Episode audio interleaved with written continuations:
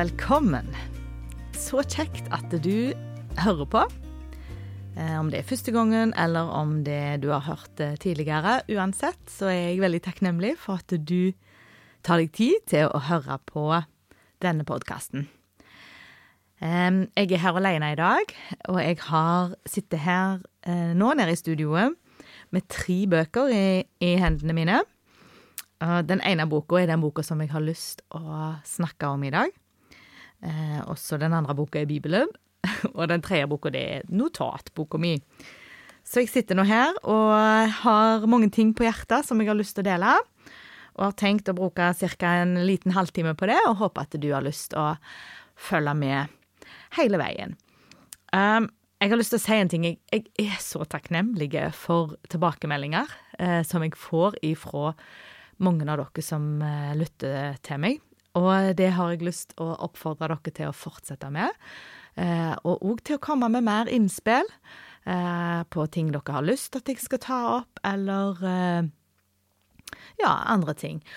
Og jeg ser at lyttertallene mine går oppover. Det er flere og flere som hører på. Eh, og jeg er ikke egentlig så opptatt av at det skal være veldig, veldig mange, men jeg er opptatt av at de som hører det, har lyst til å høre det. Så at hvis du vet om noen som du tenker at hadde hatt lyst å hørt uh, om denne podkasten, så må du gjerne tipse dem videre og dele det, kopiere linken og sende den, den videre til noen du tenker at uh, hadde hatt lyst til å uh, høre på denne podkasten. Ja, så var, da var den oppfordringen gitt. Uansett, takk for at du hører på. Og nå skal jeg fortelle hvilken bok det er jeg har funnet. Det er ei bok på svensk. Eh, jeg anbefaler den til alle dere. Jeg kan ikke helt huske hva tid jeg leste den, men jeg ser hun er gitt ut i 2015. Det er noen år tilbake i tid eh, når jeg leste den, og den boka har betydd mye for meg. Og jeg har skrevet notater i den. Det er derfor jeg har notatbok eh, Det er gammel notatbok jeg har foran meg. Det kan jeg òg egentlig anbefale til dere å gjøre, òg når du hører på denne podkasten. Eller når du hører taler, eller andre ting. Hvis du har ei Jeg har av og til litt fine notatbok, noe med fine blomster eller glitter på, eller sånne ting, sånn at jeg gleder meg litt over det òg. Og så har jeg den med meg i veska når jeg er på møter, eller i benken når jeg sitter hjemme. Så kan jeg notere ting som på en måte jeg, jeg har lyst til å huske til en gang seinere. For det at vi glemmer eh, så altfor fort det som vi har hørt. Så det å ha ei notatbok og skrive litt ned, det er veldig nyttig. Så det er det jeg gjør nå. Jeg har skrevet notater fra den boka som jeg leste for en god del år tilbake i tid. Og så har jeg lyst til å dele det med dere som jeg noterte da, og anbefaler å lese den boka.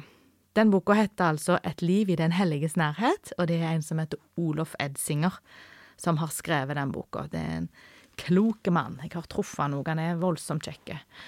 Um, og den boka åpna øynene mine for mange ting. Jeg syns at han beskriver både eh, grundig og forståelig om eh, en hellige Gud, og om å leve i den hellige Gud sin nærhet. Så mm, ja, det som Jeg bare hiver i gang, jeg nå, da. Det som eh, han sier først, det er at eh, ordet hellig det er kadosh på hebraisk, og det betyr egentlig eh, å være adskilt, eller å skjære, kan det bety. Det er jo litt sånn hæ? Det gir ikke helt mening. Og det er ofte sånn jeg tenker òg i møte med liksom hellig. Det er sånn hæ? Det gir ikke helt mening. Hva er egentlig å være hellig? Eh, det er litt uforståelig for oss. Eh, men i alle fall, det å være hellig, det sammenfatter alt det som Gud er. Det sier han i den boka, og det syns jeg var på en måte noe som jeg klarer å forstå det. Gud er hellig, og det at han er hellig, sammenfatter alt Gud er. Og han er da paradoksenes Gud, altså at det er ofte liksom motsetningsfullt, for han er ikke liksom eh, Ja, Gud er ikke ensidige. Han er jo hellig, og det betyr at han er paradoksal.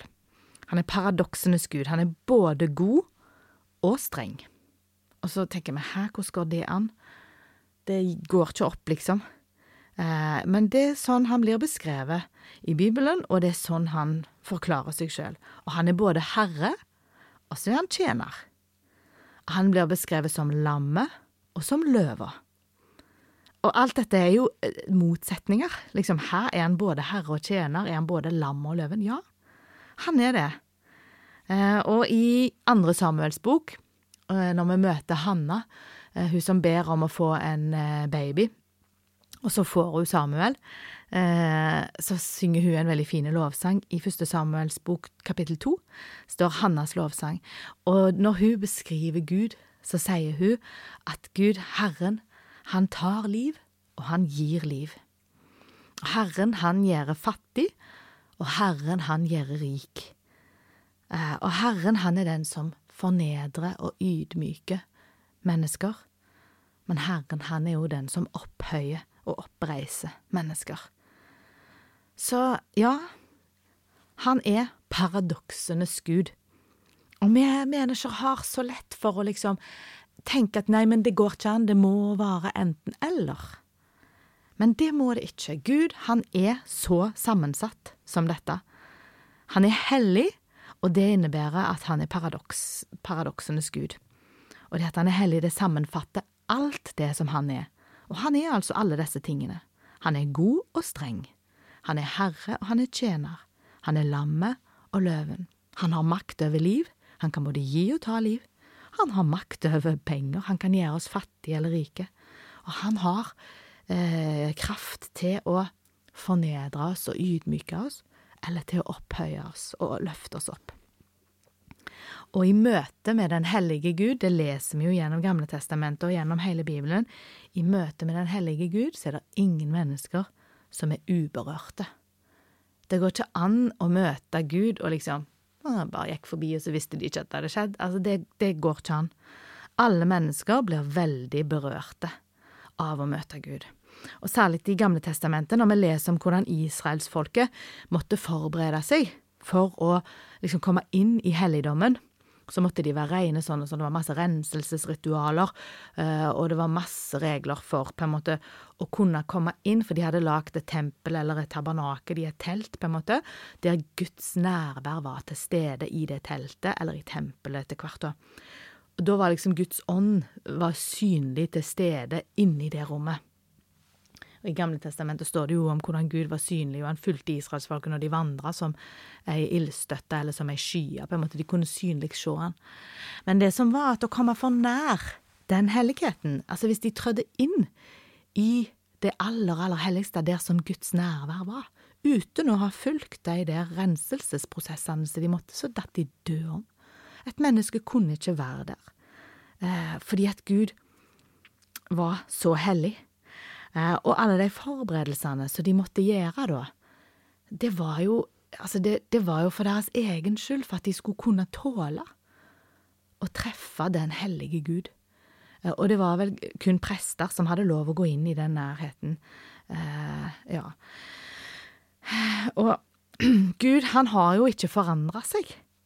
Så hvis vi virkelig vil ha med Gud å gjøre, og komme inn i hans nærhet i dag òg, så må vi være innstilt på at han kommer på sine premisser. Vi kan ikke sette premissene for hvordan det skal være når Gud eh, gjør inntog i mitt liv. Så kan ikke jeg bestemme at å ja, men da må det bare være sånn eller sånn. Gud, han kommer på sine egne premisser. Og han er Det skjer ting når vi møter Gud. Han er både, altså som jeg sa, han er livsfarlig, eh, men han er jo livgiver. Og alt mørke og urenhet som fins inni oss, det kommer fram i møte med Han. Det, det går ikke an å, å, holde det skjult. Det blir liksom avdekt. Det er umulig å, å gjemme. Og det står i Bibelen da at Gud sitt folk, de er hellige, på en måte. De kristne vi, som vil kalle oss kristne, vi er hellige. Og det går an å forstå fra tre perspektiver, da, sier han Olof Edsinger i boka si. Eh, og det første er at vi er da avskilt fra det ureine. Altså at vi, eh, vi er opptatt av moralsk renhet. Når vi er hellige, for, uh, sånn som Gud er hellig, så er vi avskilt fra det ureine. Vi gjør moralsk gode valg, på en måte. Vi prøver å fylle de moralske kravene. Um, og det andre perspektivet som gjør at vi er hellige, det er at vi er, vi er avskilt for Gud og hans tjeneste, og at vi har Den hellige ånd inni oss, liksom. Vi har fått ånden, Gud sin ånd, inni, uh, inni oss, sånn at det kan påvirke oss i tanker og i, i kropp og i følelser og i handlinger. Åndens liv bor inni oss. Det gjør at vi er hellige. Og det tredje perspektivet som gjør at vi er Guds folk, kristne, at vi kan kalles hellige, det er at vi er hans eiendom. Gud eier oss. Vi har gitt ifra oss i det øyeblikket vi kaller oss kristne, vi sier ja, jeg tror på deg, Gud, jeg, jeg vil at du skal leve i meg, og vi tror at Jesus er, er vår bror, og at han dør på korset for våre synder. Når vi tror det, så, eh, så blir vi eh, Guds eiendom. Vi eier ikke oss sjøl lenger, men Gud eier oss. Det å gjøre at vi er hellige. Og det at vi på en måte er hellige, da, det er jo liksom at ja, Gud er nær. Hans nærvær er kommet nær inni oss. Vi trenger ikke lenger å gjøre alle de renselsesprosessene som israelsfolket måtte gjøre for å trø inn i den helligheten. Um, men Gud er allerede i oss. Hans hellighet er kommet nær. Men kanskje er det sånn at vi òg trenger noen forberedelser for å virkelig forstå. Kanskje må vi jo noen runder, liksom, før vi klarer helt å forstå at det er en hellige Gud vi er i møte med. Eh, I alle fall så er, er det motstand i oss, da, mot Gud. Og den viktigste motstanden, det er synda vår. Det som skjedde når synda kom inn i verden, eh, det kan på en måte beskrives på en litt sånn overordna måte. Eh, og det første som skjedde, og det, og det, er sånn med oss i dag òg. Den første liksom, konsekvensen av synder i livet vårt, det ser vi fordi at vi har forlatt naturlig kontakt med Gud. Menneskene snudde ryggen til Gud, eh, og vi prøver liksom ja, å være Gud sjøl. Eh, og den andre konsekvensen, det er at vi er blitt fremmede for Gud og for oss sjøl.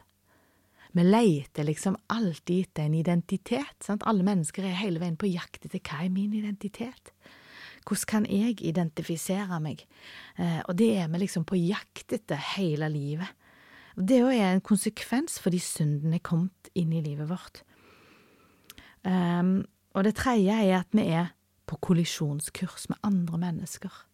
Vi havner stadig i konflikt. Jeg vet ikke hvordan det er med deg, men i alle fall er det sånn med meg at jeg må daglig hente fram uh, flere doser med tålmodighet enn det jeg hadde i utgangspunktet, uh, fordi at jeg kan bli irritert på andre folk rundt meg. Sier min aller nærmeste familie. Jeg er på kollisjonskurs med andre mennesker. Og den fjerde konsekvensen, som er veldig synlige av, av menneskene, altså den konsekvensen av synden, det er at mennesket forgriper seg på skaperverket. På, på mange måter. Så er vi ikke eh, Og vi kan bare trekke de store linjene og se på naturen og miljøet, og hvordan på en måte skaperverket vårt er i ferd med å ja, bli kvelt under menneskene sin måte å, å håndtere det på. Og ja, misbruke det. Vi forgriper oss på skaperverket. Alle de konsekvensene, syndens konsekvenser, er gjeldende i livet vårt. Vi har på en måte eh, alt det lever og virker i oss, og hindrer oss ifra å eh, leve i, i, nærhet av Guds hellighet. Eh, og så trekker han eh, Olaf Edsinger fram David fra Gamle testamentet. Fordi kong David, eller unggutten David, som det står mye om, han var en mann som ble beskrevet som om at han var en mann etter Guds sitt hjerte. Og det var ikke fordi at han aldri gjorde feil, for han gjorde mange feil. Kong David gjorde virkelig mange feil. Han, eh, noen av de feilene han gjorde, var jo at han, han, eh, han begjærte ei annen dame som ikke var hans. Hun var gift og så var han utro med henne. Eh, og så sørget han for at mannen hans ble plassert så langt ute i krigen at eh, han døde. Eh, så han hadde både utroskap og liv på samvittigheten. Og hvordan kan Gud si at og han var en mann etter Guds hjerte? Men Bibelen sier det, han var en mann etter Guds hjerte, og det er fordi at han aldri gav Gud feil. Når Gud da kom og lyste på livet hans og sa du har synda, du har gjort galt, så innrømte han det. Og det er det som er hemmeligheten. Derfor var han en mann etter Guds hjerte. Og så trenger ikke jeg å gå lenger enn til meg sjøl, men hvordan er det for meg når jeg får påpekt synda i mitt liv? Når jeg får på Synnøve, her gjør du ikke rett. Og Synnøve, her, dette var egoistisk tenkt av deg. Dette var eh, Og jeg, jeg, har ikke liv på samvittigheten, men jeg, jeg har jo gjort mange andre ting som gjerne var galt. Og da handler det om at vi må gi Gud rett, og innrømme svakhetene våre, innrømme feilene våre, erkjenne synden vår. Og det er så viktig. Og Gud han kaller oss òg til omvendelse hele tida, sånn som han gjorde med David og da må vi gi Gud rett. Eh, og for at Gud skal kunne være Gud, så må han bry seg om det at han er hellig. Eh, og vi syns gjerne at det, liksom, ja, det er så rart at det, Gud høres ut som han er så en sinte, strenge Gud som må straffe syndere, eller vil liksom gni inn at vi ikke er gode nok. Hvorfor er han sånn? Han, han, er sånn fordi han er Gud. Og hvis han skal være Gud, så må han bry seg om sin hellighet og sin ære. Hvis ikke han gjorde det, så var han ikke Gud på en måte. Han var ikke allmektig og hellig. Og det ligger liksom i en sånn en, Det er på en måte en logisk ting som er likevel litt vanskelig for oss å forstå, for vi har ikke en annen måte å forstå rettferdighet på. Vi er begrensa i vår måte å forstå hva dette virkelig egentlig er. Um, ja, men dette med, med synd, da. Det er sånn at det er mange ting som Gud har gitt oss, som kan være gode gaver som Gud har gitt oss, eh, hvis vi anvender de på rette måten. For eksempel så kan penger, sex og makt, det kan være gode, gode ting som Gud har gitt oss, som gode gaver, for at det skal være bra for oss, for at Gud han vil at menneskene skal ha det bra. Um, og penger og sex og makt, det er gode tjenere hvis vi klarer å anvende de som gode tjenere i våre liv.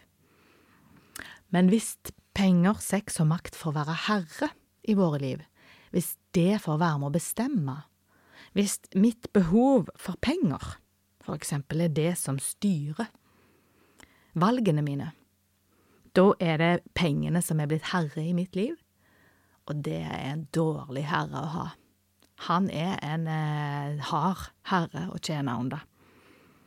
Og likt med sex, hvis det er liksom sexen, og mitt behov for sex og, og uh, mitt behov og mitt begjær eh, Hvis det får være herre i mitt liv, og bestemme og definere mine valg og mine avgjørelser, ja, det er ikke en god herre å være under det heller. Um, eller hvis det var makt hvis det var mitt behov for makt som fikk bestemme i mitt liv, hvilke valg jeg skulle ta, og hvordan jeg skulle eh, oppføre meg mot andre mennesker, så er det ikke sikkert at livet mitt hadde vært så godt. Jeg tror ikke det hadde båret så gode frukter. Men hvis jeg klarer å anvende penger og sex og makt på måter i livet mitt der, der det er tjenere for meg, der det er på en måte jeg bestemmer over deg, de bestemmer ikke over meg. Så kan det virke godt. Penger, sex og makt kan være gode tjenere, men de er dårlige herrer. Og Gud, sant, han er en god Gud, som vil gi oss gode gaver, som han vil at vi skal bruke på gode måter. Og den første velsignelsen som vi får ifra Gud i trua på Jesus, det er syndenes forlatelse. Dette er en Olof Edsinger som sier da, og så sier han at den andre velsignelsen kan forstås å være Den hellige ånd. Og det at vi har fått Den hellige ånd, det er egentlig Guds nærvær i våre hjerter. Eh, og i apostelgjerningene her eh, refererer ja, apostelgjerningene 238, Jeremia, Jeremia 31, så står det at eh, gjennom Den hellige ånd så får vi kraft til det som loven var for svak til. Altså at vi er hengivne til Herren, både med tanke, ord, gjerning og prioritering. Det er altså mulig for oss mennesker å få kraft til å leve sånn som Gud vil at vi skal, å leve hengivne til Herren, både med tanke, ord, gjerning og prioritering. Og Olof Edsinger i boka si refererer også til, til Luther, som sier det samme. Luther sier at eh, Kristus han vant ikke bare nåden, altså gratia, som han kaller det da, for oss, eh, men Kristus vant òg donum, altså åndens gave, fordi at vi skulle få både forlatelse fra synden, og vi skulle få utfrielse fra synden. Så er det en setning som jeg er blitt så glad i, som sier at det, vi, skal få, nei, vi skal bli det vi allerede er, og vi skal få det vi allerede har. Og det er litt sånn hæ? Hvordan går det an? Jo, Gud har allerede gitt oss disse gode gavene, sant? Eh, og så vil han at det skal få gjennomslagskraft i livene våre. Derfor så skal vi bli det som vi allerede egentlig er, og vi skal få det som vi allerede egentlig har fått. Eh, og vi må la det som Gud allerede har gjort i livene våre, få gjennomslag praktisk. Det er litt sånn, altså, hvordan går det an? Jo, det som Gud allerede har gjort i mitt liv, det må få gjennomslag, praktisk. Og vårt kall er å tjene Gud og våre medmennesker. Og eh, Luther sier altså at eh, åndens oppgave, sin viktigste oppgave, er å forvandle oss til nye mennesker og hjelpe oss å stå imot synden i våre liv. Um, det er på en måte Den hellige ånds oppgave i livene våre. Vi skal altså være tjenere for Gud og våre medmennesker, og Ånden vil hjelpe oss til det. Vi vil få kraft. Og det sier seg sjøl at det da Det krever jo et samspill mellom oss og Gud. Vi må på en måte eh, spille med på disse tingene. Vi må tenke at det er mulig. Vi er kalt til lydighet og ydmykhet. Det er det samme som å elske Gud. Å elske Gud er å være lydig og ydmyk i møte med Han. Det hebraiske ordet for å elske består av en holdning og en innstilling, og det høres så kjedelig ut, sant, egentlig, hvis vi tenker at å elske er å være lydig, liksom. Lydig er gjerne et sånt ord som vi tenker med uff, liksom. Men det står eh, mye godt i Bibelen om om det å være lydig og ydmyk i møte med Gud, og det er det samme som å elske Gud.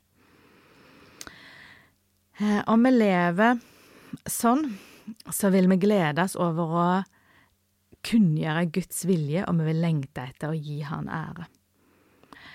Og så sier han Olof Edsinger noe om, om dette med dårlig samvittighet, som jeg syns at det treffer veldig godt. For mange av oss er i perioder mye styrt av dårlig samvittighet. Uh, 'Å, jeg har dårlig samvittighet for det, og jeg har dårlig samvittighet for det', sier vi ofte, liksom, eller vi, eller vi tenker det inni oss, 'Å, jeg skulle ha'. Og så sier han at dårlig samvittighet, det er egentlig en form for loviskhet. Det går an å forstå at da er du liksom en som prøver bare å leve som loven sier. Uh, for egentlig, sier han da, å si at du har dårlig samvittighet, det er på en måte som om du står og sier til Jesus at det, Jesus, det du gjorde på korset, det var ikke nok for meg. Jeg er jo nødt til å, å legge litt til her for å fikse opp i ting. Uh, så derfor så sier han at vi har ingen grunn til å ha dårlig samvittighet. Og hvis vi er mye plagte med det, så kan det være et tegn på at vi, vi lever i ei tru som er litt for prega av loviskhet. Og det må vi fri oss ifra. For den viktigste drivkraften i, i helliggjørelsen, det er nåden. Og, og nåden har hvis vi lever sånn at den dårlige samvittigheten på en måte pisker oss hele veien, eller plager oss, så har kanskje ikke nåden fått nok gjennomslag i livene våre. Kanskje at vi må å, gå mer i møte med Gud og si Gud, vis meg mer av hva din nåde egentlig innebærer. Fordi at nåden innebærer jo at vi må. Vi må ingenting. Um, det Jesus gjorde på korset, var faktisk nok. Ja, altså sier han eh, Olof Edsinger at den som på dypet har fått møte Guds kjærlighet og forlatelse, kan ikke forbli uforandret. Og det syns jeg er så fint. Den som på dypet har fått møte Guds kjærlighet og forlatelse, kan ikke forbli uforandret. Det gjør noe med oss å møte en hellige Gud. Så sier han noe om at den bibelske undervisningen om helliggjørelse, den er ofte løsningsfokusert, og ikke fokusert så mye på synd og dom. Eh, og så sammenligner boken eksempelet med ei barnebok som jeg husker sjøl fra min barndom. Det var ei barnebok der det var eh, solen og vinden som krangler om å få mannen Det er en mann, da, som går der og har på seg ei jakke, og så sier liksom sola og vinden eh, Hvem av oss tror du klarer å få eh, mannen til å ta av seg jakka, eller få jakka av mannen? Og vinden, vet du, da representerer vinden på en måte synd- og domsforkynnelsen.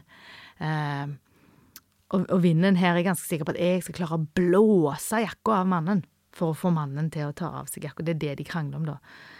Mens eh, solen vil da representere nåden og kjærligheten.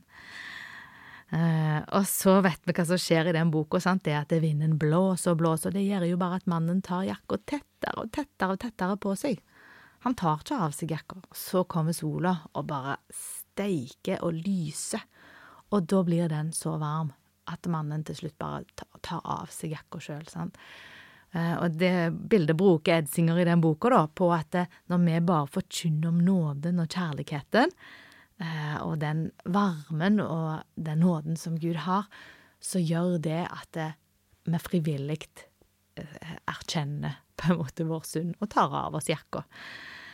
Og han sier jo at Gud vil ta initiativet, og det vil gi frukt i våre liv hvis vi lar Herren bruke oss. Eh, og det å leve i Guds nærvær, det er ikke noe vi skal tenke at vi skal gjøre når vi har fått fikst opp sånn eller sånn, eh, men det er noe vi må gjøre nå. Eh, og så ser han et lovisk menneske arbeider alltid i egen kraft, og da er alltid mer er alltid bedre. Og så bruker han bildet på Martha og Maria, som begge lærer oss at det, det er viktig med, med begge deler. Um, men at timingen til Gud er den som avgjør. Men vi må uansett alltid først lytte til hva Gud vil. For Gud verken forventer eller vil at vi skal gå og gjøre mange ting for Han i vår egen kraft som kristne. Han vil sjøl få handle gjennom oss, og i Efeserne 3,20 står det at han kan gjøre langt mer, eller uendelig mye mer enn det vi ber om og forstår. Altså, Gud, Gud han har, han har tanker for mye mer enn det vi har. Vi må bare la Han få lov å virke i oss. Vi må omvende oss ifra våre døde gjerninger, står det, og så kan vi bli kanaler for Gud og Hans kraft. Og Guds frykt det er en kombinasjon av beven over Guds hellighet og takknemlighet for Hans nåde.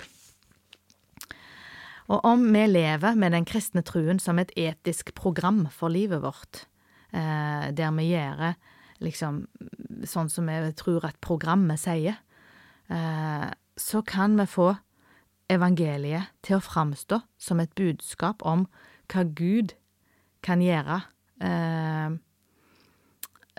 om, om, hva vi kan gjøre for Gud. Da virker det ut som om liksom vi forteller hva historien til alle andre. At eh, ja da, det å være kristen, det er eh, at vi kan gjøre sånn og sånn for Gud. Eh, arrangere ting og organisere ting og gå i tjeneste og sånn som det. Mens sånn som det er tenkt å være, så er det at vi skal heller fortelle et budskap om hva Gud har gjort for oss gjennom Jesus Kristus. Og helliggjørelsen, det er jo en viktig prosess der Gud får jobbe gjennom oss da, til å gjøre at nåden får mer og mer eh, kraft i oss.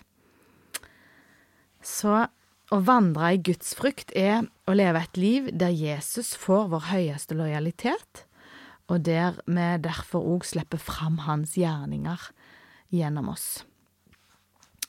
Eh, og vi som kristne i dag, sier han Olof Edsinger, da, vi har en tendens til å leve på en inkonsekvente måte av det som står i Bibelen at vi skal. Vi lovsynger gjerne på møter når vi samles, men Guds ord får ikke forandre oss på innsida. Og vi vil at forkynnelsen vi hører skal være jordnær og hverdagsnær. Eh, men eh, vi vil ikke høre for mye om at trua skal få konsekvenser i livet vårt. Det provoserer oss. Mm, så sier han eh, Olof Edsinger at det er faktisk umulig å kjenne Gud og leve i hans nærhet uten å være en kanal for Guds vilje. Og jo mer vi har latt Gud få bruke oss, desto større ære får jo Gud. Og det er det Gud ønsker mest av alt. Det er på en måte um, ja, at han skal vinne uh, skikkelse i oss. Uh, og at vi kan få lov å være kanaler for hans kraft og godhet. Og jeg har lyst til å lese noen vers til slutt i um, Hebreerne, kapittel 10, og i vers 19 og til 24. Der står det. Så har vi da, søsken, frimodighet ved Jesu blod til å gå inn i helligdommen, dit Han har innviet en ny og levende vei for oss, gjennom forhenget som er Hans kropp. Og siden vi har en så stor prest over Guds hus, så la oss komme fram med oppriktig hjerte og full visshet i troen, med hjertet renset for vond samvittighet og kroppen badet i rent vann. La oss holde urokkelig fast ved bekjennelsen av håpet, for Han som gav løftet, er trofast. La oss ha omtanke for hverandre, så vi oppgløder hverandre til kjærlighet og gode gjerninger. Å, jeg synes dette er så fine vers. Så jeg har lyst til å si til dere nå, søsken, kjære søster eller bror, hvis du hører på, la oss gå frimodig inn i helligdommen dit som Gud har innvia en ny vei for oss gjennom forhenget. Altså, sant? Det forhenget i tempelet inn til det aller helligste, det revna jo når Jesus døde på korset. Og vi kan dermed frimodig gå rett inn til Han. Og, og vi har faktisk fått det inni oss, sant? siden vi har en så stor prest over Guds hus, altså siden Jesus har gjort det for oss som han har, så kan vi komme med oppriktige hjerter, fordi at Guds ånd bor i våre hjerter, og vi kan da ha full visshet i troen, med hjertet rensa for vond samvittighet. Å, Jesus vil ta vekk den dårlige samvittigheten vår, og kroppen bade i rent vann. Vi vasker rein fra de syndene vi er fridd ut ifra synder. Og så kan vi få lov å holde urokkelig fast, står det, eh, med bekjennelsen av håpet fordi at han som gav løftet, han er trofast. Gud, han er trofast. Han vil være med. Og vi kan ha omtanke for hverandre og oppgløde hverandre til kjærlighet og gode gjerninger. Vi må heie på hverandre i å gjøre det som er rett og bra, og ikke trykke hverandre ned med alt det som er galt og trist eller vondt. Eh, men vi må heie på hverandre med det som er bra, og oppgløde hverandre til kjærlighet og gode gjerninger. Det var det jeg hadde lyst å dele med deg i dag. Håper at uh, noe av det ga mening, og at ikke det var for intenst eller for svevende, men at, uh, at kanskje det, det, talte til deg. Jeg håper det. Jeg syns iallfall det var uh, fint å ta fram igjen dette og minne meg sjøl om det. Og så har jeg lyst til å avslutte med å be. Gode, gode himmelske, hellige Gud.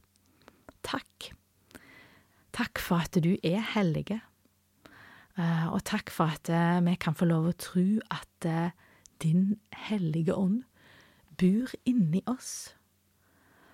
Og Herre, jeg bare ber om at vi må forstå enda mer av hva det innebærer å leve et liv i din hellige nærhet. Og jeg ber Herre om at du må virke det ut i livene til meg og de som lytter på. At din hellighet kan få gjennomslag i livene våre. på den måten som du vil at det skal, på den måten som det ærer deg mest og tjener deg mest. Ber om at du må gjøre oss ydmyke og lydhøre for din vilje, sånn at eh, du kan vinne skikkelse i oss, og sånn at vi kan få være med å peke på deg som en god frelser, som har, har redda oss, og som har kjøpt oss fri, og som har satt oss ut i frihet. At det er et godt sted å være i din frihet og i din nåde. Og Herre, jeg ber om at din nåde eh, og kraften som den har med seg, må bare få lov å virke inn i livene til alle de som hører på nå, sånn at den kan skinne sånn som den sola i den barnebokfortellingen. At sola må bare skinne og skinne, sånn at vi kan kjenne oss trygge og varme til at vi tør å å stille oss avkledde, nakne fram og ærlig vise livene våre, sånn at du kan få virke gjennom oss, Herre. Det ber vi om. Herren velsigne deg og bevare deg. Herren lar sitt ansikt lyse over deg. Herren gir deg av sin nåde, og Herren gir deg av sin fred. Amen.